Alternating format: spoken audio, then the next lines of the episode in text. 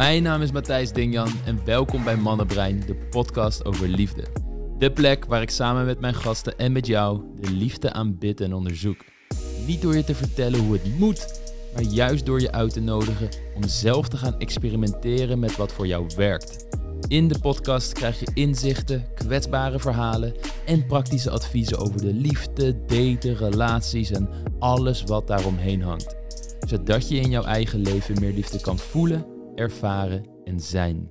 Enjoy. Hi, Hey, Skyla van Sensual Confidence Movement. yes. Welkom. Dankjewel, dankjewel. Mooi dat je er bent. En voor mij boren we hier een heel nieuw onderwerp aan, wat we nog niet besproken hebben tijdens de Ja. podcast.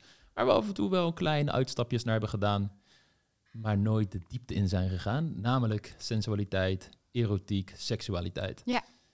Dat is waar jij een specialist in bent, waar jij je dagelijks mee bezighoudt en waar je ontzettend ve- veel vanaf weet. Voor de mensen die jou niet kennen, wat doe je exact? Ik ben eh, Skyla, Skyla Piek. En ik organiseer eigenlijk vaak eh, events, maar ik geef ook les aan vrouwen die onzeker zijn in sensualiteit. En dat doe ik door meditatie, dat doe ik door danstechnieken, dat doe ik eigenlijk door dat ze zichzelf in de spiegel moeten aankijken. En dat ze daardoor ook dieper kunnen connecten met zichzelf. Want juist als je iemand anders aankijkt, dan kan je connecten met een ander. Maar als je jezelf aankijkt, dan moet je echt met jezelf gaan connecten. En dat is het Hmm. belangrijkste wat ik in mijn les wil geven. Het gaat ook om de dans, want eigenlijk sensualiteit is niet alleen maar dansen. Sensualiteit is ook echt oprecht de dans voelen. Dus Mhm. dat is wat ik doe. En daarnaast ben ik ook een performer en danseres. Helder. Wat is hetgene waardoor jij hier zo tot aangetrokken voelde dat je dacht, oké, hier ga ik mijn carrière uitmaken. Ik ga me met sensualiteit bezighouden. Nou, eigenlijk ben ik er altijd wel mee bezig geweest. Vroeger toen ik klein was, dat, dat klinkt heel gek. Maar ik was altijd gek van Britney Spears. En ik dacht nooit aan seks op, op die tijd. Want ik was natuurlijk jong. En ik dacht ook niet aan sexy zijn. Maar ik voelde me gewoon super erg vrij om te dansen op Britney Spears. Of andere idolen, maar vooral Hmm. Britney Spears. Waar ik me eigenlijk heel sensueel in kan voelen. En die tijd, ja, deed ik dat ook. En toen eigenlijk nu ik ouder ben geworden, dacht ik altijd van... Ja, wat kan ik doen wat echt bij me past? Wat vond ik leuk als kind zijnde om later te doen? En toen kwam ik eigenlijk bij terug dat ik het leuk vind om te acteren, het leuk vind om te dansen, maar het ook leuk vind om te playbacken. En dansen, dat vind ik sowieso leuk, meerdere genres. Maar sensualiteit is iets wat mij het meest trok, omdat ik dat ja, niet saai vond en ik voelde daar heel erg connected bij. Hmm. Je noemde het al van toen ik als klein kind me hiermee bezig hield, wat het nog niks met seks te maken. Ja, Wat is precies het verschil tussen sensualiteit en seksualiteit daarin? seksualiteit is eigenlijk, je hoort het al met sensualiteit, als je het woord senses zegt. Het heeft te maken met al je zintuigen actief maken. Dus bijvoorbeeld luisteren, ruiken, proeven, aanraken. Dat is eigenlijk je senses actief maken. En wanneer je die actief maakt, dan leef je gewoon heel erg in het hier en nu. Dat is ook met yoga. Maar bijvoorbeeld, als er nu een orkaan komt, of toen de tijd dat corona kwam, dan voelden we eigenlijk heel erg in het hier en nu. Want we wisten niet wat de toekomst kon brengen. Maar we waren ook een beetje bang. En het moment dat jij dus heel erg die eh, dingen st- focust, dat je eh, in het hier en nu bent, is omdat je- als je, zeg maar zo, als je Mhm. in het hier en nu bent, dan is al je senses actief. Maar dan maak je ook niet druk om gisteren, dan maak je ook niet druk om morgen. Bijvoorbeeld als er nu een orkaan komt, dan zou je denken van, oh shit, maar je voelt je wel heel erg connected met jou en je gevoel en met de mensen om je heen. Want jij denkt niet meer over morgen, je denkt niet meer over gisteren. Mhm. Je bent in het hier en nu. Het is een hele rare vergelijking hoor. dat is echt zo. Maar het is hetzelfde als sensualiteit. Ik- sensualiteit kan je heel erg binden met jezelf door in het hier en nu te zijn. En Mhm. seksualiteit is iets anders. En, maar sensualiteit kan je wel gebruiken in seksualiteit. Dus wanneer jij jezelf verzekerd voelt en wanneer jij al je zintuigen scherp hebt, Mhm. kan dat de seks wel veel beter maken. Mhm. Maar het is Het niet ja. hetzelfde. Nee, ik snap heel goed wat je ermee bedoelt. En ik denk dat veel mensen ook wel het verschil aanvoelen tussen eh, seks hebben met iemand die echt 100% aanwezig is, jouw Ja. lichaam echt aan het ontdekken is en eh, heel sterk reageert wanneer je hem of haar aanraakt. En dat er echt een duidelijke wederzijdse in het moment zijn is en dat je bijna aan elkaar, ja, je gaat ook letterlijk in elkaar op, maar ook Ja. met andere delen van, van je lichaam dat je bijna versmelt. En het verschil tussen dat en gewoon iemand, ja oké, je hebt seks en ja, eh, je bent er wel, maar ook niet echt. Je bent misschien in je hoofd met heel veel dingen bezig. Ja, ja, ja. Je, je voelt niet echt. Nee. Eh, waar, waarbij ik wel kan begrijpen wat sensualiteit dan precies is. En dat je dat ook los kan trekken van seks door wellicht zelfs sensueel bezig te zijn. Gewoon in een wandeling door straat, bij wijze van spreken, en een bepaalde Dat, energie dat is oprecht ook zo, ja. Het is niet alleen maar in het hier en nu zijn, maar het heeft ook te maken met je zelfliefde. Want wanneer jij eigenlijk alles accepteert van jezelf, dan kan je ook veel meer in het hier en nu zijn. Dan kan je alles accepteren. Dan ga je ook minder druk maken, dan ga je minder stressen. En wanneer je naar jezelf in je spiegel kan kijken, dan dat is het stukje dat heel belangrijk is voor je zelfliefde. Maar als je jezelf kan aanraken, kan ook heel eng zijn. Maar dat is ook een stukje van zelfliefde. En jezelf aanraken is een touchment. En een touchment is een zintuig weer. Dus daarom is het zo belangrijk om wel bezig te zijn met je sensualiteit, of je nou man of vrouw bent, om dichter bij je eigen gevoel te staan. Want je gevoel, ja, je bent een mens. En het is belangrijk dat je weet wat je gevoel je zegt tegen jezelf. Hmm. Zodat je dat, eh, ja, dat je daarvan kan leren en zodat je weet waar je wel en niet van houdt.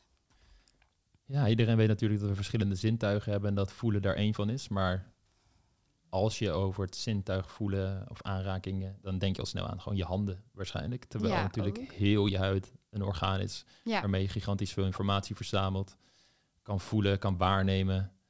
En wanneer je zelf toe gaat staan om meer te voelen met je hele lichaam en je sensaties daar te ervaren, helpt het inderdaad niet alleen om mm, ja, meer connectie te ervaren met je partner bijvoorbeeld tijdens seks, maar ook om meer ervaring, of sorry, meer connectie te voelen met gewoon het leven, met andere mensen om je ja heen. dat is zeker waar. En meer in je lichaam te landen vanuit je hoofd. En alleen maar alles te analyseren, rationeel bezig te zijn, maar af en toe gewoon te genieten. Ja, veel mensen denken ook dat seksualiteit en sensualiteit hetzelfde is. Maar het is eigenlijk niet helemaal hetzelfde, omdat, ja, wat ik je net ook vertelde, omdat sensualiteit meer te maken heeft met zelfliefde en met je emoties en met het hier in het hier en nu zijn. Maar eh, sensualiteit kan je op zoveel verschillende plakken, eh, plekken beter maken. Dus Mhm. ook inderdaad gewoon lopen over straat en genieten van de wind. Oh ja, dat was ik aan het vertellen.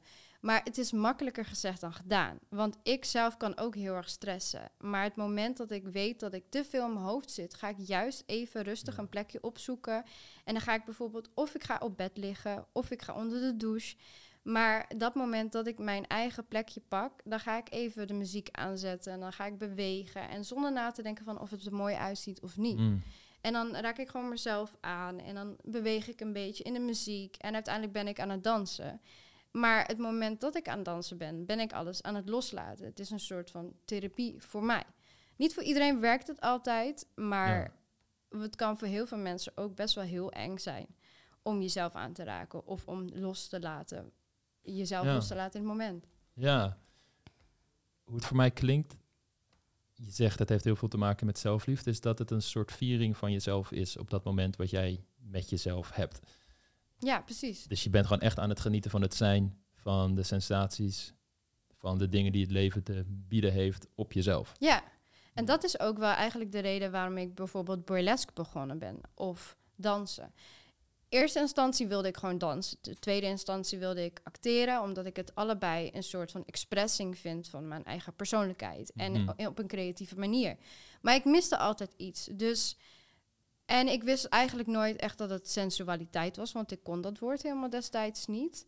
Maar doordat ik ben onderzoek gaan, of ik lag eigenlijk gewoon een keer in bed en ineens zag ik een beeld van mezelf dat ik op een podium liep. En ik liep de catwalk op en ik zag, ik zag die visioen. Ik weet niet of het natuurlijk echt is, maar waarschijnlijk wilde ik dat, dat altijd al doen. Het was een soort feest, een viering van de vrouw zijn. Een viering van ehm, ja, vrouwelijkheid. Of je nou dun bent, of je nou wat voller bent, of je nou lang bent of klein bent. En toen ben Mhm. ik onderzoek gaan doen van wat is dat beeld dat ik zag? Van wat is dat? Want waarschijnlijk wil ik dat heel graag doen. Dat dronk echt ineens tot me door. En toen ging ik onderzoek doen en toen kwam ik erachter Moulin Rouge en burlesque. En dat is eigenlijk een mix van theater en dans. Maar je kan het helemaal zelf maken hoe je het zelf wil. En dat kan je door eh, door bijvoorbeeld een eigen act te maken in een comedy actje, maar dat is wel voor jezelf alleen. En je maakt de kleding erbij of je maakt een dansje. En dan kom je op het podium en je, het is eigenlijk een soort van tease. Want je hebt bijvoorbeeld een olifantenpak aan, daar begint het mee. Dat is maar een voorbeeld. En dan loop je het podium op en dan ga je eigenlijk een soort comedy show maken en uiteindelijk trek je het uit. Het is een striptease, maar niet volledig een striptease. Het is meer echt een viering van de vrouw. En dat is waarvoor burlesque ook heel erg is ontstaan, Hmm. jaren geleden. En toen ik dat ging doen, toen besefte ik, oh, dit is inderdaad wel iets wat mijn expressie het meeste, waar ik me het meeste in thuis voel en waar ik mij het meeste in kan uiten. En later, toen ik dat steeds meer ging doen, toen dacht ik, maar eigenlijk, ik ben zelf ook heel vaak onzeker geweest. Dus ik wil dat ook aan iemand anders kunnen geven om zichzelf wat zelfverzekerder te laten voelen. Maar hoe ga ik dat doen? Hmm. En toen op een gegeven moment dacht ik, ja, maar ik kan toch eigenlijk gewoon mijn dans mixen met de theateropleiding, wat ik daar heb geleerd. Want daar krijg je ook zelfvertrouwen oefeningen. En dat dan kunnen uiten in mijn lessen. Dus het is een beetje dan burlesque stijl en theater. En ja, eigenlijk een mix van allemaal sensualiteit. Hmm. Ja, Mooi dat je die stap durfde te zetten. Ja dankjewel. Hoe, hoe oud was je ongeveer toen je dat visioen had en hier meer Nou, in ging interesseren? Ja, het is heel gek. Normaal ben ik niet zo zweverig of zo. Maar het is gewoon een, een beeld dat ik ineens voor me kreeg. Dat ik echt graag wilde doen. Eh, hoe oud was ik? Ik denk 19. Ik woonde toen in Zuid-Limburg. En daar is het juist heel erg close-minded. Ja. Daar, nu is het wel veranderd door social media. Maar in Zuid-Limburg was het wel heel anders. Omdat, ja, als jij er anders bij liep. Als jij een rok tot je knieën had. Of als je een klein beetje decolleté had. Was je al een slet. En dus ik voelde me daar sowieso nooit verbonden. En ik wist dat ik daar ook niet wilde blijven. Dus het moment dat ik ging verhuizen was een jaartje Ja. later van de verzoen. Hmm. Dus 19 ongeveer, ja. Ik blijf dat, dat een heel interessant iets vinden. Van oké, bepaalde uitingen van seksualiteit vinden we allemaal heel normaal. Andere vinden we weer heel gek. En het verschilt per tijd, per tijdsgeest. I get it. Dat speelt allemaal een gigantische rol. Maar het feit dat er een soort taboe, een taboe ligt op iets zo primairs in onze eh, menselijke ervaring, namelijk seksualiteit, sensualiteit, erotiek, iets waar we allemaal energie van kunnen krijgen, waarmee we dichter tot ons bij onszelf kunnen komen en tot onze partner, waar heel veel mooie aspecten aan zitten. Eh, dat het toch al vaak als iets geks, negatiefs wordt gezien op het moment dat je dat gaat onderzoeken en er meer mee in de openbaarheid treedt. Ja. En hey, sommige dingen zijn misschien ook meer voor achter gesloten deuren. Ik, ik snap dat dit ook, wanneer het overal en eh, overal met iedereen altijd maar kan of moet kunnen, dat het ook voor heel veel problemen kan zorgen en dat het een gevoelig onderwerp is. Kijk naar de hele MeToo-beweging. Dus ik snap dat seks ook iets kan zijn waar je mensen mee kan schaden wanneer je er niet voorzichtig mee omgaat. ja. Maar de soort exploratie van dit soort belangrijke menselijke thema's, dat daar nog zo'n taboe op heerst. Eh, ik vind dat soms jammer, omdat Ja. ik denk dat daardoor ook je sterker in de hand speelt dat ook heel veel mannen heel onhandig zijn in hoe ze dit soort dingen aanpakken. Mhm. Veel te hard gaan en snel gaan tijdens een date of eh, Ja, het is, ook, het is ook zo bijvoorbeeld de porno-industrie. Eh, De filmpjes die je kan vinden, dat zijn eigenlijk de goedkoopste filmpjes. Dat zijn eigenlijk filmpjes die je gratis opzoekt. En dat is helemaal goed. Maar dat is wel een voorbeeld voor de jongere generatie, want die zijn heel erg goed in internet geworden. Dus die zoeken natuurlijk als eerste zulke filmpjes op, omdat het een taboe is om in het echte leven over seksualiteit of sensualiteit te praten. Gaan ze het natuurlijk op internet zoeken en die filmpjes zijn niet de realiteit. Het is niet hoe echt seks werkt. En vaak heb je wel video's die je kan kopen, bijvoorbeeld van Erika Lust. Zij maakt wel video's die echt gewoon gemixt zijn voor queer, voor vollere vrouwen, voor alles wat er maar bestaat en hoe echt seks werkt. En dat is heel mooi, want ik zelf betaal ook voor mijn porno bijvoorbeeld, Mhm. omdat ik het hun gun. En eigenlijk de normale porno, dat is eigenlijk een goedkope porno waar je een slechte voorbeeld aan neemt en de kinderen gaan geloven dat dat zo echt werkt. Ja, Ja, ik, ik snap dat altijd, het sentiment. Eh, ergens er zit 100% ook een, een bron van waarheid in, laten we dat vooropstellen. Ja, Tegelijkertijd denk ik, oké, een, een- als ik bijvoorbeeld naar mijn eigen leven kijk of naar het leven van vrienden van me en hoe wij over seksualiteit praten, ondanks dat ik iedereen porno heeft gekeken, al ja. vanaf een zeer ja, jonge ik leeftijd. ook hoor. Dat eh, is niet Eh, heel gek. Nee, maar ik bedoel meer van, ik ben benieuwd in hoeverre ons beeld van seks daar daadwerkelijk door gekleurd is. En we weten wel uit bepaalde studies dat het inderdaad een impact heeft en noem maar op. Maar ik, ik- ergens waar ik op doe is, het is een reis die je zelf gaat maken en ontdekken wat seks en sensualiteit erotiek Mhm. voor jou betekent. Mhm. En tegelijkertijd is dat iets ehm, waar ik van denk dat het veel mensen zou helpen als het meer in de openbaarheid zou Ja, zijn om in ieder geval over te spreken. Al is het maar met familie of vrienden. En ik snap dat het ook gek is. Dat klinkt nu misschien heel gek. Ik heb het ook nooit gedaan met mijn ouders. Eh, ik heb hier nooit over gesproken, behalve het standaard gesprek van... hey, toen ik vriendinnetjes begon te krijgen van... eh, weet je wel, behandel ze goed. En hier is een pak condooms. eh, op ja, toen ja, ik ja. 16 werd of 15 werd of zo. En dat, dat soort dingen die zijn allemaal wel gebeurd.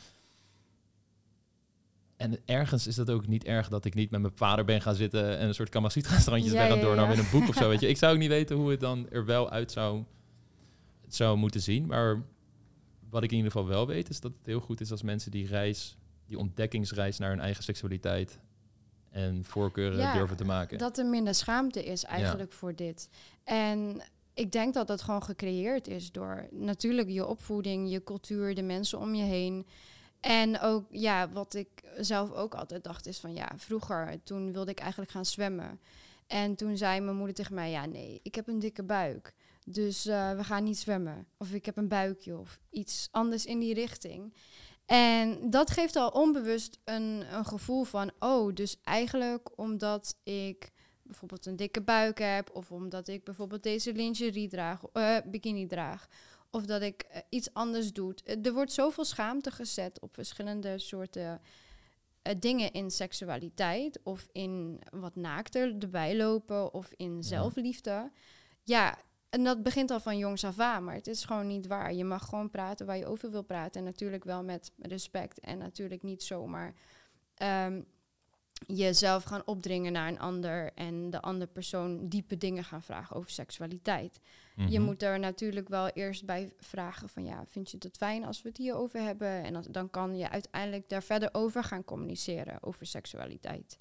En dat is hetzelfde met consent. Want veel mensen denken van, oh ja, als ik er sexy bij loop, dan wil ze gewoon aangeraakt worden. Dan wil ze dat ze een opmerking krijgen. Maar dat is Mhm. niet altijd zo. Ja, communicatie is belangrijk, maar doe het met respect, zeg maar. Dat is het moeilijke natuurlijk wanneer je mensen bij wijze van spreken zou leren meer hun seksualiteit te uiten. Er misschien, ik noem maar wat, met meer mensen over te praten.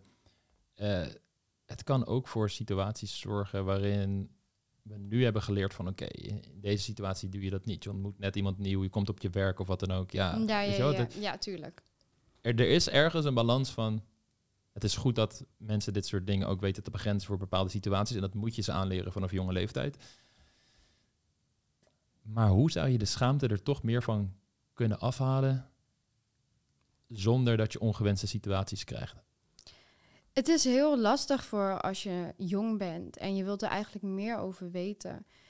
Ehm, vaak kan je eigenlijk gewoon niet je ouders vragen, omdat je ouders daar niet voor openstaan, zichzelf ervoor schamen, of het raar vinden, of vinden dat je nog helemaal nog geen seks mag hebben, of je nog helemaal nog niet zo vrij mag zijn in hoe je kleedt, et cetera. Ja. Dus het beste, je hebt er ook verschillende websites voor. Ik weet ze nu even niet uit mijn hoofd, maar je hebt verschillende goede websites daarvoor. Eh, dat kan ik later wel even opzoeken en eh, de links geven. Zal ik in de beschrijving zetten, is goed? Ja, maar ja, het is ook heel erg lastig om dat te doen. Maar het is wel belangrijk om dan bijvoorbeeld te praten met, met een vriendin. Hoe zij dat heeft ervaren. En wat vindt zij dan fijn of niet. En, zodat je ook Mm. hoort dat het niet alleen maar de porno wat je ziet, dat dat de waarheid is.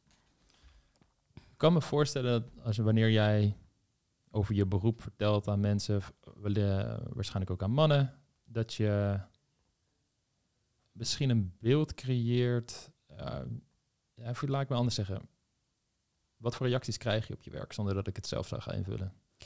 Het valt eigenlijk best wel mee, want ik omring me eigenlijk met mensen die allemaal open-minded zijn en die zelf ook performers zijn of creatievelingen. En creatievelingen zijn nooit zo close-minded, maar mensen daarbuiten. Precies, en die bedoel ik dan vooral. Stel Ja. je ze gaat terug naar Zuid-Limburg, naar, naar Voorhout, het prachtige dorp Ja, waar ik vandaan ja. kom. Ja, en mensen daarbuiten die reageren er heel anders op. Die denken van, oh, jij doet eh twerkles geven of je twerk. Nou, eh, dan wil je waarschijnlijk ook wel op mij twerken, bla bla bla. Of ze, ja, ze sturen of dat ik vriendelijk ben naar iemand toe. En ze zien dan toevallig mijn Instagram. Dan denken ze meteen, oh ja, maar jij bent gewoon vriendelijk omdat je wil flirten, omdat je eigenlijk seks wil. Dat is, Mhm. het zijn van die kleine dingetjes. Het hoeft niet alleen voor mij te zijn. Het kan ook gewoon voor een meisje die heel, of een vrouw die helemaal niet bezig is met dezelfde dansstijl als mij. Ja. Zij kan ook op deze manier aangekeken worden als ze bijvoorbeeld gewoon aardig is tegen iemand. Mhm. En ehm, ja, hoe ik daarmee omgaat is gewoon ja, blokkeren en negeren en weer verder met mijn leven. Maar ja, het is makkelijker gezegd dan gedaan natuurlijk. Het ligt er ook aan wie dat vindt. Kijk, als het gewoon een buitenstaander is, dat die persoon die ik helemaal niet goed ken, ja, dan boeit het me niet. Maar voor mij is mijn leven qua open-mindedheid best wel fijn, want mijn vader en mijn Hmm. moeder zijn ook open-minded en ze weten hoe ik ben. Dus zij accepteren ook gewoon heel veel. Maar ik kan me wel voorstellen, als je bijvoorbeeld ouders hebt die dat helemaal moeilijk vinden, dan lijkt mij ook heel erg zwaar, ja. Mhm. Ja, Dus de assumptie die veel mensen dan maken is... oké, ze is vrij open in haar expressie van sensualiteit slash seksualiteit...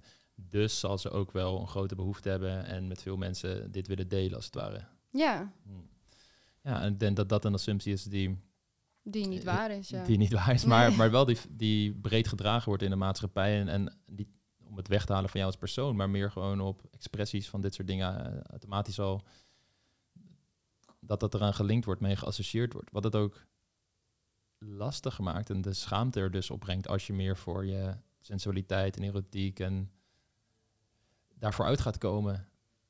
En ergens is het ook, kijk, Ja, aan de ene kant voel je ook wel weer heel erg vrijheid. Als je gewoon Ja. kan zijn wie je bent. ja, Want ik voel me heel erg opgesloten als ik niet... Ja, natuurlijk moet je ook dingen voor jezelf houden. Maar je, je kiest er zelf voor wat je voor jezelf houdt. Maar je moet niet naar iemand anders gaan kijken op een negatieve manier... als diegene wel er wat meer open over is. Het zegt niet dat diegene aandacht wil.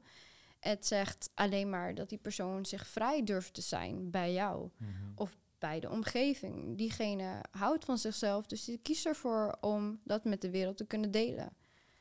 Wat zijn de mensen die bij jou op training eh, komen, op workshops komen, dan les komen? Merken dat ze met veel van dit soort dingen worstelen? Of dat ze ja, daar- eigenlijk wel. Wat zijn de veel voorkomende dingen waar ze tegenaan De, lopen? de lessen zijn echt vooral echt voor beginners. Dus de vrouwen die dit nog nooit hebben gedaan, die er eigenlijk wel heel graag passie voor hebben en het heel graag willen. Dus ze willen heel graag sexy dansen, ze willen zich heel graag mooi vinden. Maar de vrouwen die komen zijn meestal of moeders die een hele lange relatie hebben gehad en waar ze zich niet gezien voelden. Of eh, het zijn vrouwen die eigenlijk ehm, zich niet fijn voelden in, in haar cultuur of haar omgeving qua mensen. En dat ze in mijn les haar even haarzelf kan zijn. En even haar sensualiteit kan uiten. Ja, deze soort mensen, deze vrouwen komen naar mijn les toe. Dat zich niet gezien voelen in een lange relatie voor sommige vrouwen. Mhm. Hoe, hoe ziet dat eruit, zeg maar? Wat, wat voor verhalen krijg jij bij je? Nou, ze vertellen me natuurlijk wel een beetje, maar ze vertellen me niet alles. Mhm. Dus ik weet niet precies hoe dat helemaal zit. Maar wat ik me kan voorstellen is dat ze zich. Dat ze misschien te veel een huisvrouw zijn geweest. Dat ze te veel bezig zijn geweest met de kinderen. En dat ze zichzelf heel vaak niet sexy meer voelen.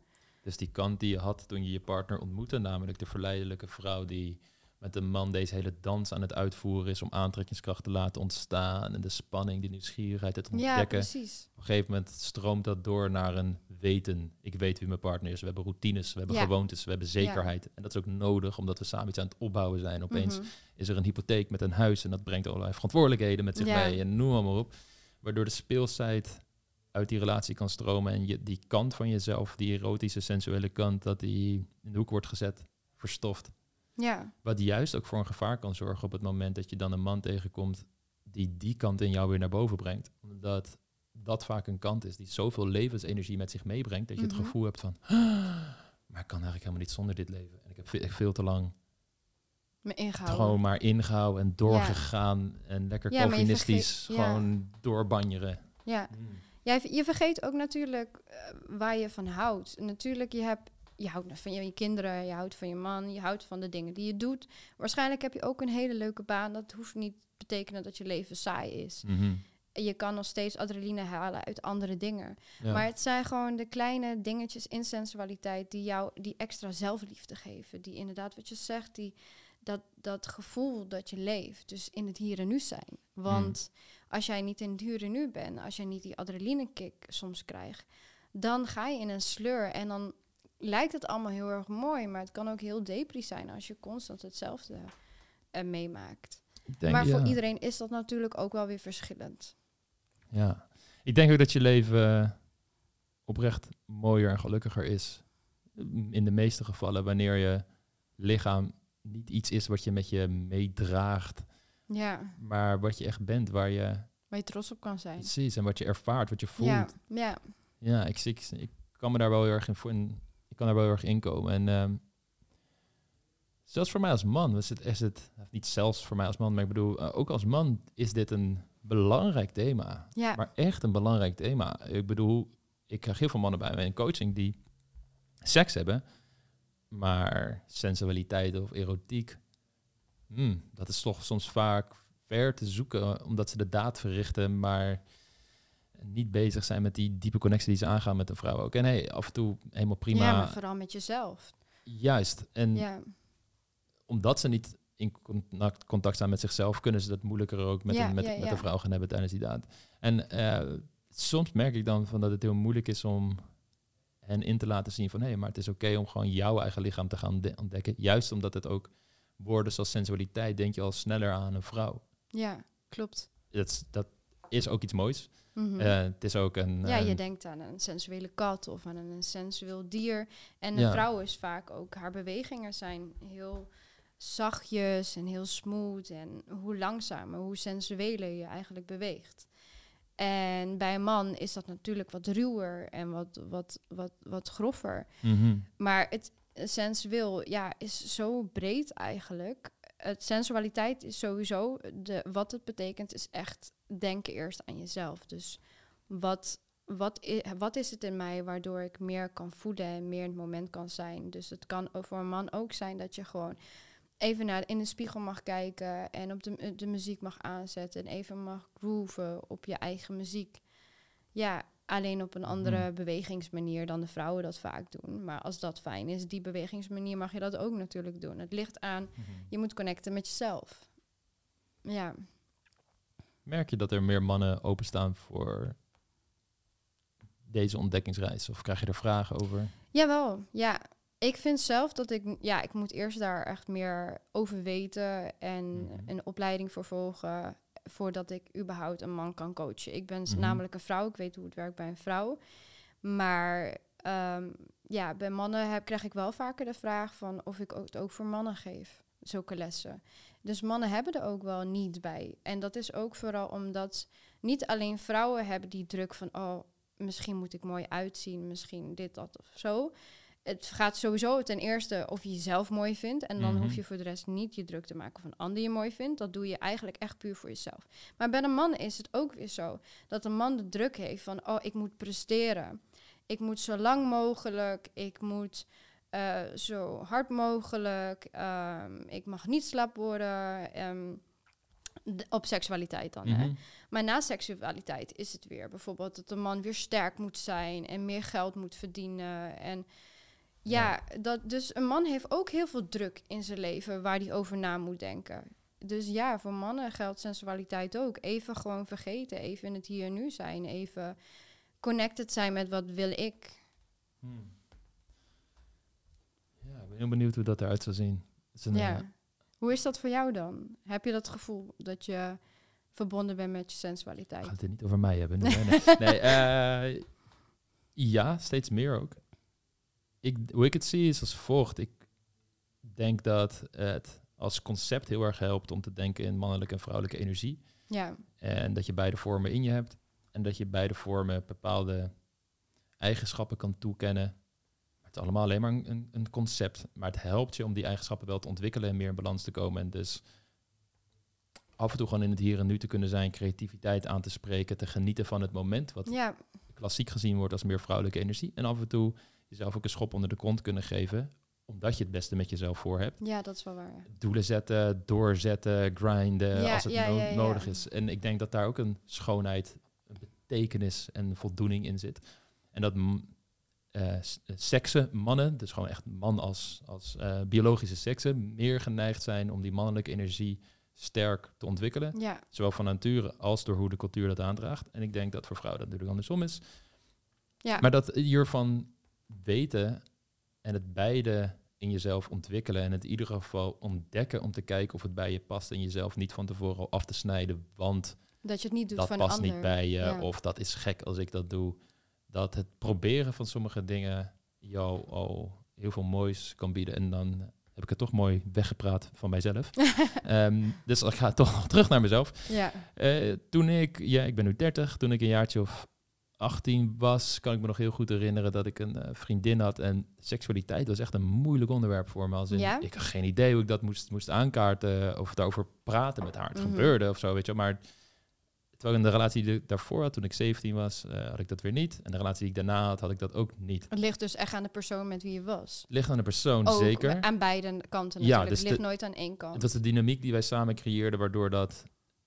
Waardoor we er gewoon nooit over spraken. En, hey, ik was Ja. 18, wat weet ik ook van de wereld? Dus Ja, dat is ook logisch dat ik het allemaal lastig vind en dat ik het nog aan het ontdekken ben. Mhm. Maar wat het voor mij deed, was dat ik dacht: wat interessant dat dit überhaupt. Dat ik niet weet wat ik hiermee moet en dat dat Ja. nooit aan me verteld is. En ja, Mhm. ik kon het wel een beetje met mijn vrienden over hebben, hoe zij dat dan deden, maar het was. Ja, het was, je kreeg advies dan van andere 18-jarigen. Dus je, het was niet dat je daar heel veel verder mee kwam. Nee, dat is wel waar, ja. En het was ook rond die tijd dat ik überhaupt zelfontwikkeling, datingadvies ontdekte. Dus de jaren die daarop volgden, was ik me eerst volledig voor mezelf dit allemaal aan het toepassen, aan het bijleren, aan het groeien. En waar ik wel achter kwam, is dat ik dus dit soort onderwerpen, dat ik me daar, dat daar toch ook nog een soort onwennigheid onder tussen zat. Van, hé, Mhm. hey, ja, is dit wel normaal om hier zoveel Ja. mee bezig te zijn, om het bespreekbaar te maken en eh, verschillende dingen uit te proberen om een keer in een wat meer dominante rol te stappen. Of juist in een, een keer een wat meer afwachtende rol. Wat, wat doet dat met mij? Wat vind ik zelf prettig? Eh, en die reis heb ik daarin wel gemaakt toen de tijd. Maar komt dat omdat eh, dat je ouders had of een bepaalde mensen om je heen hebben die dat daar ook voor schaamden? Dat jij ook het gevoel had dat het niet fijn voelde om daar meteen over te praten? Nou, zoals ik al zei, de gesprekken die ik met mijn ouders daarover gehad Mhm. heb, waren nooit echt de diepte in. En ik zie dat ook niet Ja, per se als een, waar ik het ook eerder met je over had, van ik zie ook niet hoe dat anders had gemoeten. Of dat het überhaupt anders had gemoeten. Misschien is het ook wel gewoon een ontdekkingsreis vanaf je achttiende. En door middel van het internet met juiste bronnen, dat, je, dat dat ook iets moois is, dat je dat zelf gaat ontdekken. Dus ik weet ook niet of dat ehm, anders had moeten zijn of zo. Eh, ik ben blij dat ik in ieder geval tegen zelfontwikkeling aanliep. En daardoor uiteindelijk ook tegen boeken zoals eh The of the Superior Man bijvoorbeeld, wat heel Mhm. over mannelijke en vrouwelijke energie gaat. Wat me daar heel veel in geleerd heeft. Maar ja, ik zou dus wat hoe mijn ideaal situatie zou zijn, want ik heb me dat vaak ingebeeld. Wat nou als ik die wereld niet ontdekt had en ik was gewoon mijn leven gaan leiden, dan had ik nog steeds niet de juiste op- oplossingen tussen aanhalingstekens gevonden om me hierin te doen ontwikkelen. Ja. En ja, alles heeft ermee te maken bijna eigenlijk. ja, je- kijk, jouw ontdekkingsreis is, wel, is weer heel anders geweest. Ik bedoel, je bent burlesque gaan doen, zei je. Je Ja. bent eh, gaan acteren, gaan dansen. En door middel van ervaring ben je dit gewoon gaan ontdekken. Ja, Bij mij was het eerst gewoon oké, boeken lezen. En ik was er wel aan de site wel mee bezig. Eh, en vervolgens inderdaad ook echt gaan ontdekken. Maar niet op een professioneel vlak als danser. Maar meer gewoon in het contact met vrouwen. Van oké, wat vind ik? Wat vind ik prettig? Wat past bij mij? En hoe... Oké, ik ga nu... eh, om maar om, om je een voorbeeld te geven, gewoon heel eerlijk zijn over wat ik wil. Ja. Wat al heel eng is, want iemand kan je daarin afwijzen. Hoe reageerde de vinden. eerste persoon erop? Alleen maar goed Ja? omdat, ja, omdat ehm, bijvoorbeeld toen eh, ik een uit en toen was ik al wel wat ouder, hoor, maar om, om je een praktisch voorbeeld te geven, toen ik ehm, een jaartje of 24 was. Ik heb een open relatie, ben al zes jaar samen met mijn vriendin. Mhm. Toen ik die, toen, toen wij een officiële relatie kregen, dacht ik van oké, ja, ik heb geen idee hoe vrouwen hierop gaan reageren als ik nieuwe vrouw ontmoet. Maar ik ga, wil je niet over liegen of wat dan ook.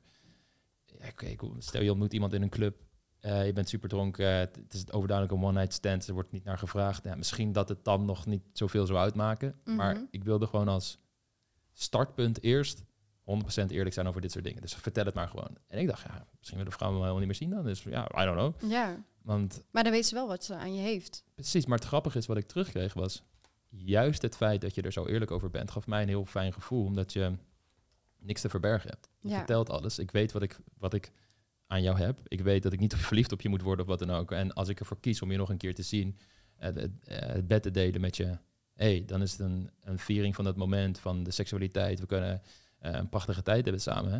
voor hoe lang dat duurt, maar het zal nooit meer zijn dan dat. En die eerlijkheid voelde niet alleen heel goed voor mezelf, maar zag ik dus ook dat het een hele positieve uitwerking had op de dames met wie ik praatte en die ik ontmoette. En dat is ook wat ik altijd aan mannen leer. Ook, kijk, er is niks verkeerds, denk ik, aan friends with benefits-achtige relaties. Als je er maar wel eerlijk over bent en als je merkt dat je signalen afgeeft alsof je doet dat je een relatie wil, omdat je denkt dat je dat moet doen, omdat je die vrouw anders verliest, Mhm. dan ben je spelletjes aan het spelen. En die vragen krijg ik ook wel eens bij me van mannen, dat ze in dit soort situaties zitten. Ja, En als ze vanaf moment één echt eerlijk zijn, en ook niet het een beetje in het gemis ge- midden laten, Ja, maar gewoon ja. echt eerlijk zijn, ja. eh, is het een win-win voor beide. Mhm. Ik denk dat, en ik denk dat dat ehm, ook een, wel een vorm van eerlijk zijn is over je seksuele behoeftes, je sensualiteit en erotiek, die daar heel sterk mee samenhangt, dat je accepteert dat je bepaalde behoeftes bent, hebt, daarvoor uit durft te komen. Als iemand anders daarmee matcht en we kunnen een win-win maken van hey, dit, we voelen ons allebei goed mee, we hebben nou ons zin, we hebben plezier, eh, de seks is goed, prachtig. Ehm, en daarvoor is wel die soort eerlijkheid naar jezelf nodig, denk ik. Ja. Ja, dat zeker. Ja, Ja. communicatie is sowieso ook altijd het belangrijkste. Maar soms is het moeilijk, want soms weet je zelf niet eens wat je wil. En dat weet je alleen maar inderdaad op ontdekking. Dus je kan wel dit ene moment ehm, nieuwsgierig zijn naar polygamie Mhm. en naar een open relatie of juist monogamie. Maar soms weet je het ook niet en moet je eigenlijk gewoon ontdekken. En bij de ene relatie heb je meer behoefte dan aan de andere aan dit soort dingen. En ja, ik denk eigenlijk, ja, je moet echt gewoon puur op ontdekking gaan, wat je precies wat je zegt. Om, te achter, om erachter te komen wie je bent en waar jij van houdt, zodat je daarover kan eh, communiceren. Ja. Wat zou je mensen aanraden als zij die sensualiteit bij zichzelf willen gaan onderzoeken? Als ze aan het begin van die reis staan. Nou, sensualiteit. ehm, eh, wat ik aanraad is gewoon de kleine dingetjes. Bijvoorbeeld, ga een keer in de douche staan, zet je muziek aan. En je favoriete muziek, waar je een beetje sensueel mee kan bewegen. Dus niet meteen. eh, nou ja, het, eigenlijk maakt het ook niet uit. Je kan ook zomaar Beyoncé opzetten en uh, Run the World. En ja, gewoon lekker losgaan in de douche. En zorg ervoor dat je niet uitglijdt, want dat is wel een belangrijk iets. Anders kan je nooit meer sensueel dansen. Maar ehm, ja, gewoon lekker losgaan in de muziek, de deur dicht. En niemand kijkt met je mee. En speel met het water wat op je gezicht komt. Ehm, ehm, doe een hair whip ermee.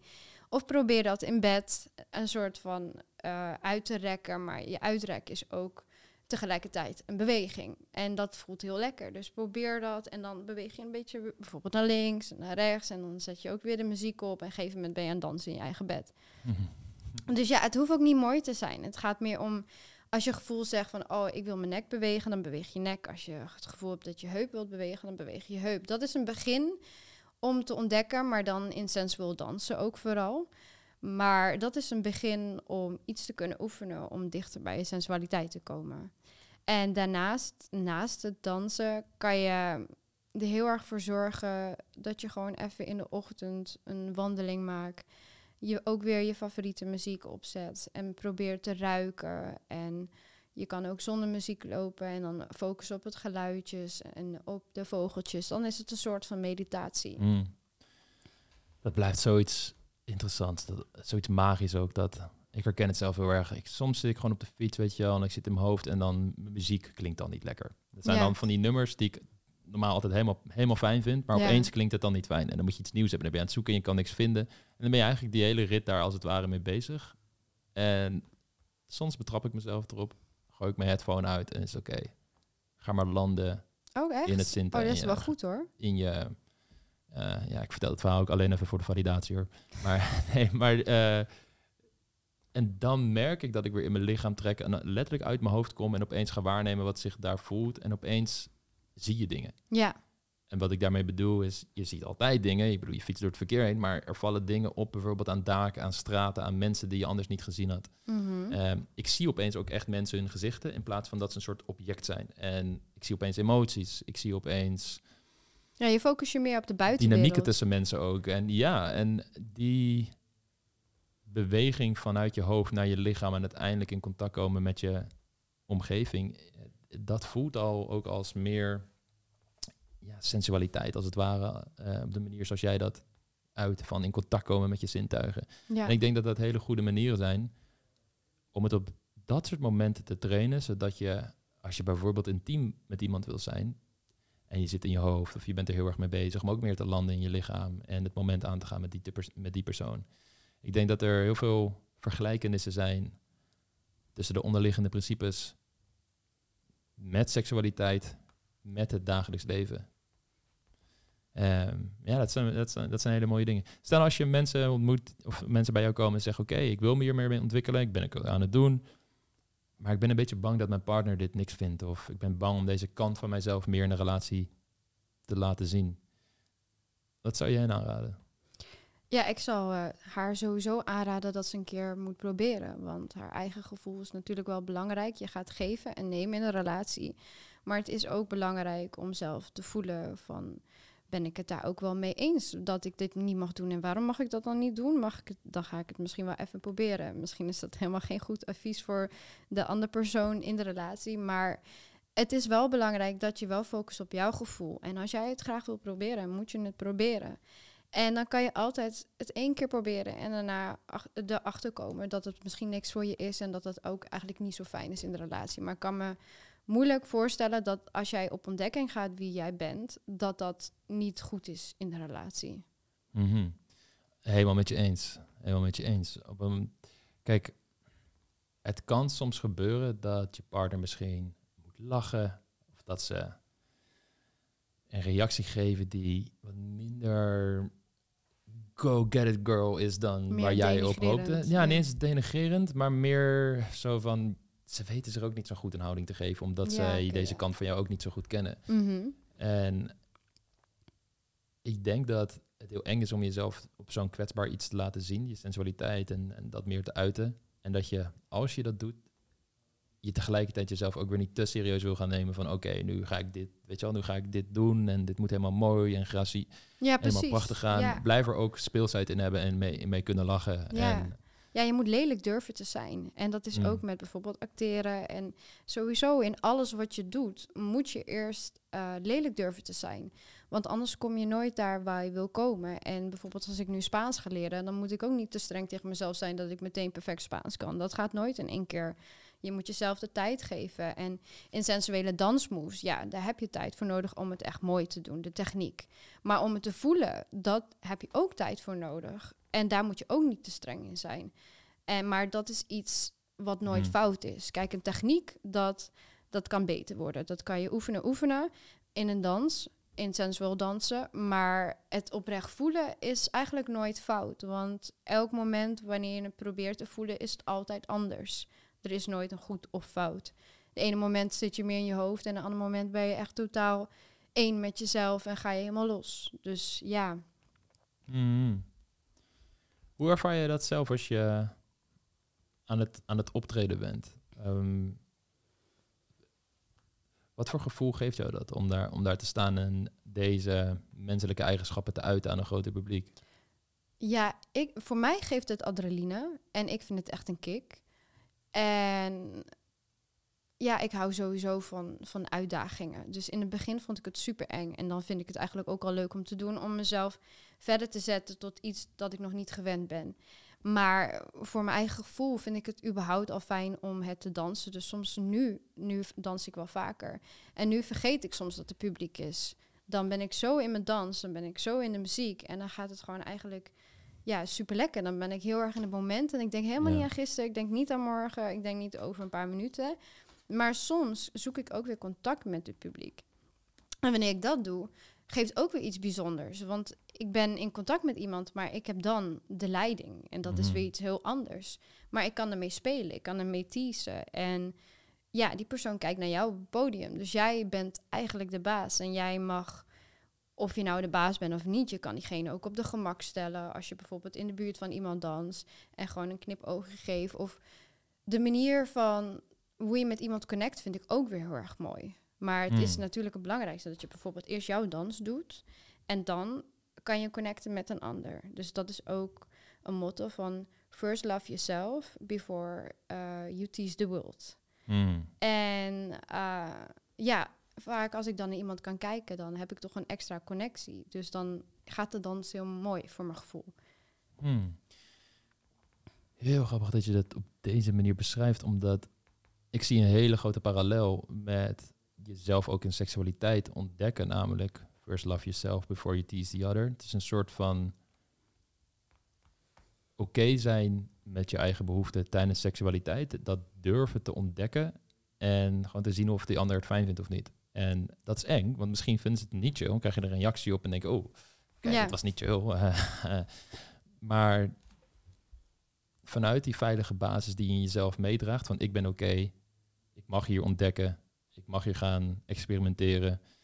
En vanuit die veilige ruimte dan te gaan onderzoeken wat, wat, wat je allemaal prettig vindt, daar zit, een, eh, daar zit inderdaad een kern in van, oeh, dit is, dit is prettig met mezelf en nu ga ik dat met die andere persoon delen. En een soort van die knipoog die je erbij geeft. Een leiding durven nemen wellicht, of ehm, initiatief nemen in dingen die, die, ehm, die spannend vindt. Omdat Ja. je dat misschien nog nooit gedaan hebt, of je weet niet of je, hoe je partner daarop gaat reageren. Ja, klopt. Ja. Het heel speels maken eigenlijk. Mhm. Ja. Maar natuurlijk ook eigenlijk wel rekening houden met de ander. En opletten hoe diegene reageert daarop.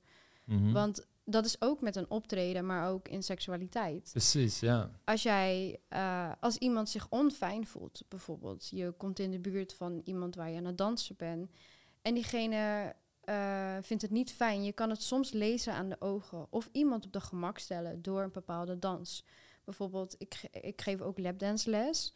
En het moment dat ik iemand een lapdance geef, dan ga ik haar wel eerst bij de been aanraken en dan kijk ik bij de ogen aan. Zo van ja, het is allemaal goed. En Mhm. dan begin ik de dans. Dus ik ga niet meteen op haar springen. Eh, Dat, dat is veel te heftig natuurlijk.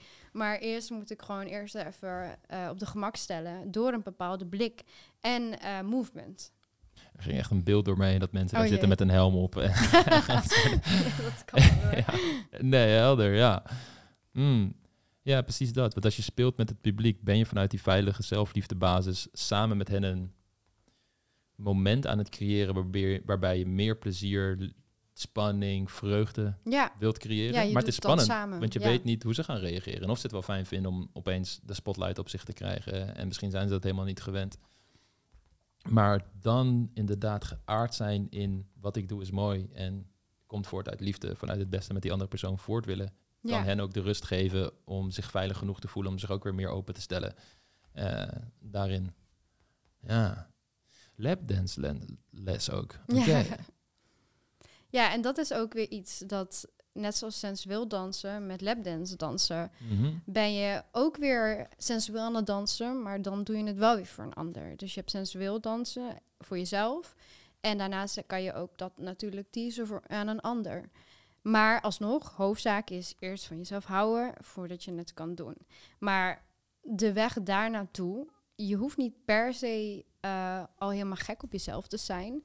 Maar het moment dat je bijvoorbeeld een lapdance geeft, kan jij wel steeds meer leren om van jezelf te houden. Dus je geeft een lapdance aan een ander en je gaat jezelf daardoor ook helemaal sexy voelen. Mm. Maar het is wel het belangrijkste dat je gewoon uiteindelijk het niet doet, uiteindelijk voor een ander.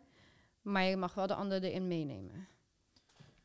Je benadrukt heel sterk het punt dat het vooral gaat om eerst houden van jezelf en dan pas de ander daarin meenemen, zoals Ja. je dat zo mooi zegt. Hoe is die reis van jou daarin geweest? Ja, heel gek eigenlijk. Ik heb echt, ehm, ik heb juist, vroeger ben ik heel onzeker geweest. Toen was ik het verlegen meisje. Op de, op, tot en met mijn tweede op de middelbare school was ik echt super, super stil. En ik woonde ook in Limburg, dus daar was het al anders. Daar werden Praten mensen sowieso niet met elkaar? Nee, ja, ze praten wel met elkaar, maar als jij een Hollands accent hebt, zoals ze dat daar zeggen, Ah, ze vinden eh, niks tegen Limburg, want Limburg is super mooi en ik ben er blij nog steeds om terug te komen. Maar voor mij Mhm. was het destijds wat minder, omdat ik me niet erbij voelde. ja. En eh, ja, dus daardoor was ik ook best wel onzeker en heel erg stil. Ook omdat de mensen mijn kledingstijl niet mooi vonden en ik werd een beetje gepest. En eenmaal toen ik naar de andere school ging, toen dacht ik, fuck it, ik ga het nu gewoon doen. Ik ga gewoon lekker mezelf zijn. En juist doordat ik mijn eigen kledingstijl droeg, juist doordat ik mezelf meer ging expressen en opeens volledig van mezelf hield, trok alles positief naar me toe. En dan gingen ju- juist mensen me zien als inspiratie. En oh, die kledingstijl ken ik helemaal nog niet, die ga ik ook dragen. En het is een hele andere manier van kijken naar de wereld. Uiteindelijk ben ik, ik was wel toen te zelfverzekerd, want ik had ook wel, ja, ik haalde veel te veel kattenkwaad uit, als bijvoorbeeld een klaslokaal vol met wc-papier. Maar uiteindelijk ben ik wel de middenweg geworden natuurlijk, maar wil ik wel andere mensen hun veel les geven om meer zelfvertrouwen te krijgen. Hmm. Is dat iets waar je... Je zegt, ik heb, je hebt je leven eigenlijk al gecreëerd met veel open-minded mensen die dit soort gedrag alleen maar aanmoedigen. En met dit soort gedrag bedoel ik dan dus jezelf uiten op een hele authentieke manier die wellicht Ja. niet binnen de standaard hokjes past. Zijn, zijn dit nog, is dit nog een topic in jouw leven, dat zelfvertrouwen, die zelfliefde? En op, op wat voor manier is dat zo? Hoe bedoel je? Worstel je er nog wel eens mee? Of Ja, tuurlijk. Tuurlijk, eh, niemand is altijd zelfverzekerd. En vooral Mhm. wij vrouwen, wij moeten maandelijks eh, de onzekere periode door. En onze hormonen kunnen daardoor wel ja, onze emoties groter maken. Maar voor de man, de man is ook vaker wel onzeker. Alleen bijvoorbeeld bij hun, je weet nooit wanneer het komt. Bij vrouwen weet je al in, de, in het midden van de maand, dan voelt ze zich even wat minder zelfverzekerd of niet lekker in de vel. Voor niet iedere vrouw is het natuurlijk hetzelfde. Dus een hele andere ervaring voor andere vrouwen ook weer. Maar de man heeft dat ook. En dat moeten we niet vergeten. Want de man heeft ook onzekere momenten. Alleen je, je kan het niet zien aankomen. En bij de vrouw weet je het wel ongeveer wat beter qua het moment in de Mhm. maand. Maar dat is iets anders. Dus ja, iedereen heeft wel onzekerheden altijd. En ik heb nog steeds onzekerheden. Maar het is gewoon, je moet jezelf pushen. Je moet gewoon weten van, oké, nu voel ik me even kut. Maar het gaat weer weg. Het gaat weer weg. Of het nou een week, een maand of een jaar is. Maar ik moet wel blijven doorzetten. Ik moet, ja, er iets aan doen om eruit te komen. het eeuwige verhaal van het menselijke bestaan. Ja, Alles komt met eb en vloed. dat is waar. Het is er, het gaat er weer weg. Zolang je maar blijft doorzetten, het beste van blijft maken, leef je Ja. volgens mij een leven dat het absoluut waard is. Ja. Eh, Ja, want het kan, ook, het kan ook heel moeilijk zijn. Als je bijvoorbeeld een depressie hebt, is het heel, of een burn-out, is het heel erg zwaar om die zelfliefde weer op te pakken. Of heb je, als misschien als je het nog nooit hebt gehad of een trauma hebt meegemaakt, is dat ook heel zwaar. Maar Mhm. ja, je moet echt blijven doorzetten en op onderzoek uitgaan wat je kan gaan helpen hmm. om die zelfvertrouwen terug te krijgen. Hoe speelt dans en sensualiteit op dat moment? Op die momenten dat je je wat minder lekker in je vel zit, wat misschien wat onzekerder bent. Je gaat door een moeilijke periode heen, wat het ook is. Hoe speelt dat dan een rol? Nou, eigenlijk doordat ik dat ga doen, bijvoorbeeld met mijn werk, moet ik best wel altijd zelfverzekerd overkomen. En als ik dat dan even niet ben, dan accepteer ik dat. En zeg ik, ja, oké, Sky, je bent gewoon een mens. Je hoeft niet altijd onzeker over te, eh, of, eh, zelfverzekerd over te komen. Je mag ook gewoon je pure jij laten zien. Maar het Hmm. moment als ik op een podium sta of ik sta voor de les en ik voel me niet fijn, dan geef ik dat ook gewoon aan. En dat vinden de klanten eigenlijk alleen maar leuk. Ze, ze voelen zich dan meer verbonden met me. En als ik op het podium sta, ja, het, ik weet niet wat het is, maar het is altijd een andere skyline die komt eruit. En dan ben ik juist, mijn emoties kan ik uiten in mijn dans. Dus het hield mij. Dus daarna, eigenlijk nadat ik les heb gegeven of nadat ik heb opgetreden, voelde ik me eigenlijk 100% weer helemaal goed. Heel boeiend. dus het is- jezelf, oh sorry. ja, ja, een beetje door mij praten. Hè? Nee, wat wil je dit zeggen? Dus eigenlijk, als je het gevoel hebt van, oh nee, nu, ik kan het niet, ik blijf in bed liggen. Je mag dat zeker wel één dagje doen. Maar, of twee dagen als je echt gewoon niet lekker voelt. Maar push jezelf dan wel weer. Ga wel dat doen wat je wilde doen. Stop jezelf niet. Ja. ja, en ik denk dat dat ook die balans is, is over die mannelijke en vrouwelijke energie in je. Namelijk, hey, het zorgzame zijn voor jezelf. Jezelf dragen op het moment dat je het nodig hebt. En tegelijkertijd ook achter je doelen aan kunnen zitten en af en toe een tandje bijschakelen. Mooi dat je dat, wanneer je dus wat minder lekker in je vel zit, dat nog steeds kunt uiten in het werk wat je doet. Ja, In gewoon hoe je je leven leidt. Ik denk dat voor veel mensen dat natuurlijk minder van toepassing is. Als jij gewoon je kantoorbaan hebt of mhm. voor, de, voor de klas moet staan, wordt het Ja. toch lastiger. Misschien ook niet, hè. Ik kan me ook voorstellen dat het... Er zijn sowieso nog wel creatieve manieren om het te doen. Ehm, maar ik, ik, vind dat een, ik vind dat een hele mooie. Ik zit zelf te denken hoe dat voor mij is als ik... Kijk, bijvoorbeeld als ik een weekend training moet geven of ik moet mijn coaching calls doen. Het kan zijn dat ik dat op, dat moment stress ervaar. En ik wil dat er ook volledig laten zijn. En gelukkig eh, neemt het me ook nooit over op dat soort momenten. Maar wat ik zelf wel heb ervaren ook, is de acceptatie daarvan. Van oké, dit is hoe het nu is. Maar dat weerhoudt Ja. me er niet van om mezelf uit te drukken in mijn creatieve manier, wat dan coaching is. ja. En nog steeds de connectie aan te gaan met de persoon die voor me zit. En als ik, oké, wat minder grappen maak op dat moment en ik ben wat minder hoog in mijn energie, dan is dat hoe het is. Maar ik zal er nog steeds alles aan doen om toegewijd zijn aan het leven, als het ware, aan datgene wat ik doe en aan die andere persoon. Om het beste wat we ervan kunnen maken op dat moment ervan te kunnen maken. En, en gewoon te puur al, ja, hoe het voor mij in ieder geval werkt, er zo naar te kijken, zorgt grappig genoeg al voor dat die emoties vaak een veel minder heftige stempel drukken op mijn leven dan ehm, wanneer ik ze niet zou willen voelen, omdat ik als coach dat niet zou moeten Ja. voelen. ja, precies. Ja, dus het is een echt een, een soort hele praktische vorm van acceptatie. Van, oh ja, het is er gewoon. Maar dat hoeft me er niet van te weerhouden om de dingen te doen die ik graag doe. Ja. Nee. Hmm. Maar sowieso in coaching is het ook zo dat je, als jij altijd perfect moet zijn en nooit onzeker, dan, dan vind ik je ene kant ook wel, ja, dat, is, dat kan niemand. Dat is juist mooi als je dat kan zijn, ook als coach, want dan kan je de klant ook nog beter begrijpen.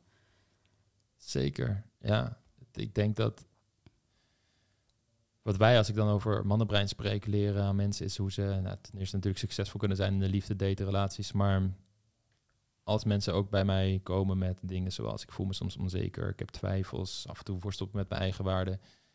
Als je de principes toepast die je verder gaan brengen, die we ook aan mensen leren, dan zul je merken dat de periodes minder vaak voorkomen. Als ze Ja. er zijn, minder lang duren. En als, ze, als je er dan toch in zit, dat ze ook minder heftig zijn. Dus dat het kleiner en zo wordt. En natuurlijk, er kan iets gebeuren in je leven waardoor je alsnog helemaal overboord gaat.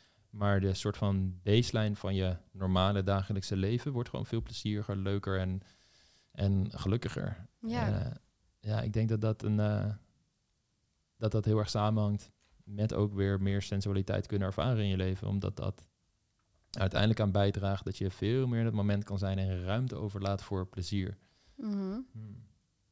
Nou ja, mooi. Ja, want ook bijvoorbeeld, ehm, vroeger heb ik paniekaanvallen gehad. En paniekaanvallen kan jou echt totaal uit het moment halen. Maar het belangrijkste is wel gewoon eigenlijk hoe je daarvan afkomt, is ook door sensualiteit. Als je bijvoorbeeld iets eng vindt om te doen, is eigenlijk gewoon blijven doen. Dus het moment dat jij bang bent om op een locatie te komen, omdat ik een omdat ik daar altijd een paniekaanval krijg, dan, en je gaat niet meer komen, dan is het altijd voor de rest van het leven dat je op die plek een paniekaanval krijgt. Ja. Maar als je jezelf gewoon pusht, pusht, pusht en pusht, wordt inderdaad ook die paniekaanval steeds kleiner, kleiner en kleiner tot hij er niet meer is. En dat is ook met je angst en dat is ook met ja, jezelf kunnen uiten. Mhm. Eerst vind je het eng om jezelf te uiten, daarna steeds minder, minder, dan weer ineens weer heel erg eng en dan weer minder, minder en dan helemaal niet meer. Hmm. In sensualiteit bijvoorbeeld. Ja. Hoe was dat voor bij, bij jou ontstaan? Was het, had je gewoon veel stress in je leven? Gebeurde er dingen waardoor je op een gegeven moment paniekaanvallen kreeg? Of Ja, ik ging verhuizen van Limburg naar Amsterdam. En dat is wel een reden tot paniek, ja. Mhm. Ja, voor mij was dat gewoon. Ik dacht, ik kan het allemaal wel. Maar ik was zo, ik leefde zo met mijn moeder. Ze was heel erg lief voor me. Al de mensen om me heen. Eh, Limburg is best wel zachtaardig ook wel. Hmm. Dus naast dat ik gepest was als jonger meisje en al die dingen daarnaast, is Limburg ook heel erg zacht en heel erg, ja, ja, ze praten, als ze iets willen zeggen, dan proberen ze dat heel op een tactische, lieve manier te zeggen. En hier is meteen, dit is wat ik van je vind en dit is hoe, hoe het moet, bla bla, bla, gewoon wat directer. En ja, ik ging toen ook echt in een locatie wonen waar mensen helemaal niet met elkaar praten. En ik voelde me eigenlijk heel erg eenzaam. Hmm. En een jaar lang heb ik me toch wel eenzaam gevoeld, omdat ik niet die connectie met vrienden kon hebben. En nu eigenlijk ben ik hele, voel ik me helemaal goed en heb ik de connecties juist gevonden. Maar het is, als je niet ben, hier bent opgegroeid en eh, je komt van een echt een, schat, een zacht dorpje, dan, dan was het toch even een hele switch voor mij. Ja. En ik had ook een hele hoge druk op mezelf gelegd van, oh ja, ik moet dit perfect doen, ik moet dat perfect doen en ik moet die shows maken en ik wil ook nog die opleiding doen en ik wil ook nog werken en ik wil ook nog uitgaan en want ik kan eigenlijk niet terug naar Limburg, want ik moet vrienden ontmoeten. Ik was gewoon heel streng tegen mezelf, waardoor ik die paniekaanvallen kreeg. Dus het was eigenlijk alles bij alles. En op een gegeven moment ja, leerde ik leuke mensen kennen. En toen ging ik wat rustig aandoen. Ik heb bepaalde dingen aan de kant gelegd die ik niet meer ging doen als projecten.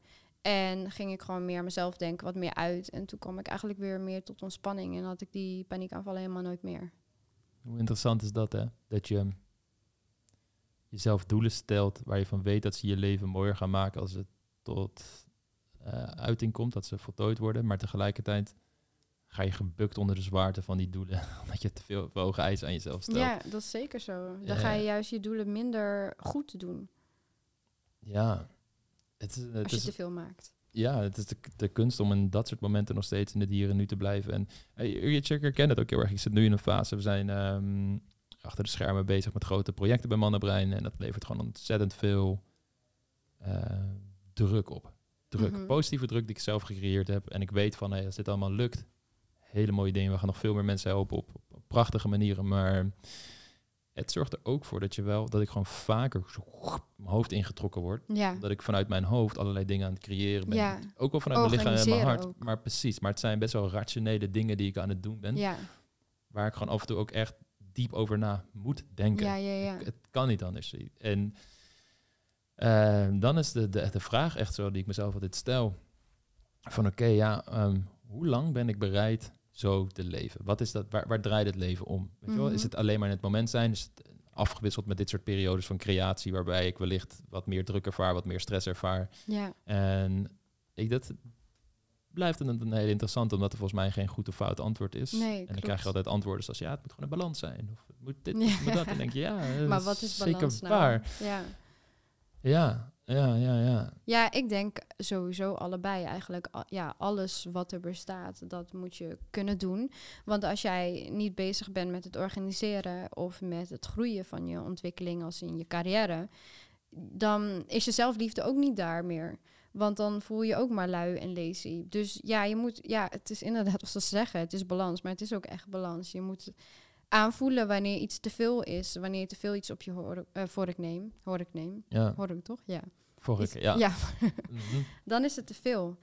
En Misschien moeten we het, spreekwoord wel aanpassen naar hork. Dat we Ja. gewoon alles op de hork gooien. Ja. Ja. Dat is misschien wel, wel fijner voor gewoon, ja. ja. Mhm. ja, dan is het eigenlijk gewoon te veel. Maar ja, wanneer weet je nou of iets te veel is? Want voor mij bijvoorbeeld als ik drie ehm, dagen in de weekend ga werken met dansen in de nacht, kan te veel zijn. En van tevoren ga ik me eigenlijk, denk ik, ga ik dan stressen. Van, oh nee, dat is eigenlijk te veel. En eh, daar heb ik helemaal geen energie voor. Maar op het moment dat ik het doe, dan geeft het me zoveel energie dat ik er juist energie uithaal. Dus je weet eigenlijk nooit wat perfect is om wanneer iets te veel is of niet. Maar als het een passie van je is, dan is het bijna nooit te veel eigenlijk. Ja. Dus als eh, je een beroep hebt wat je niet je passie is, dan kan veel dingen al snel te veel zijn. Absoluut, absoluut. Ja. Ik denk dat het een mooi is om eh, deze podcast ook te beëindigen. Yes. Ik wil in ieder geval heel erg bedanken dat je er was. Super mooi. En ik ben heel erg benieuwd waar jouw hele reis nog naar toe gaat. Of je uiteindelijk ook mannen hier op een bepaalde vorm hiermee gaat helpen. Of eh, ja, dat we sensualiteit, erotiek, toch meer de Nederlandse cultuur verweven gaan krijgen, eh, wat eh, nog wel een hele opgave is. En ik denk dat dat een, eh, heleboel moois kan opleveren.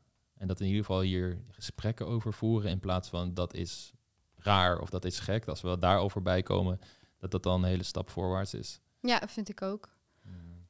Ja, Dankjewel. de, de slutshaming ervan afhalen eigenlijk. Ja, ja Yes. zeker. Thanks, dankjewel. Dankjewel ook.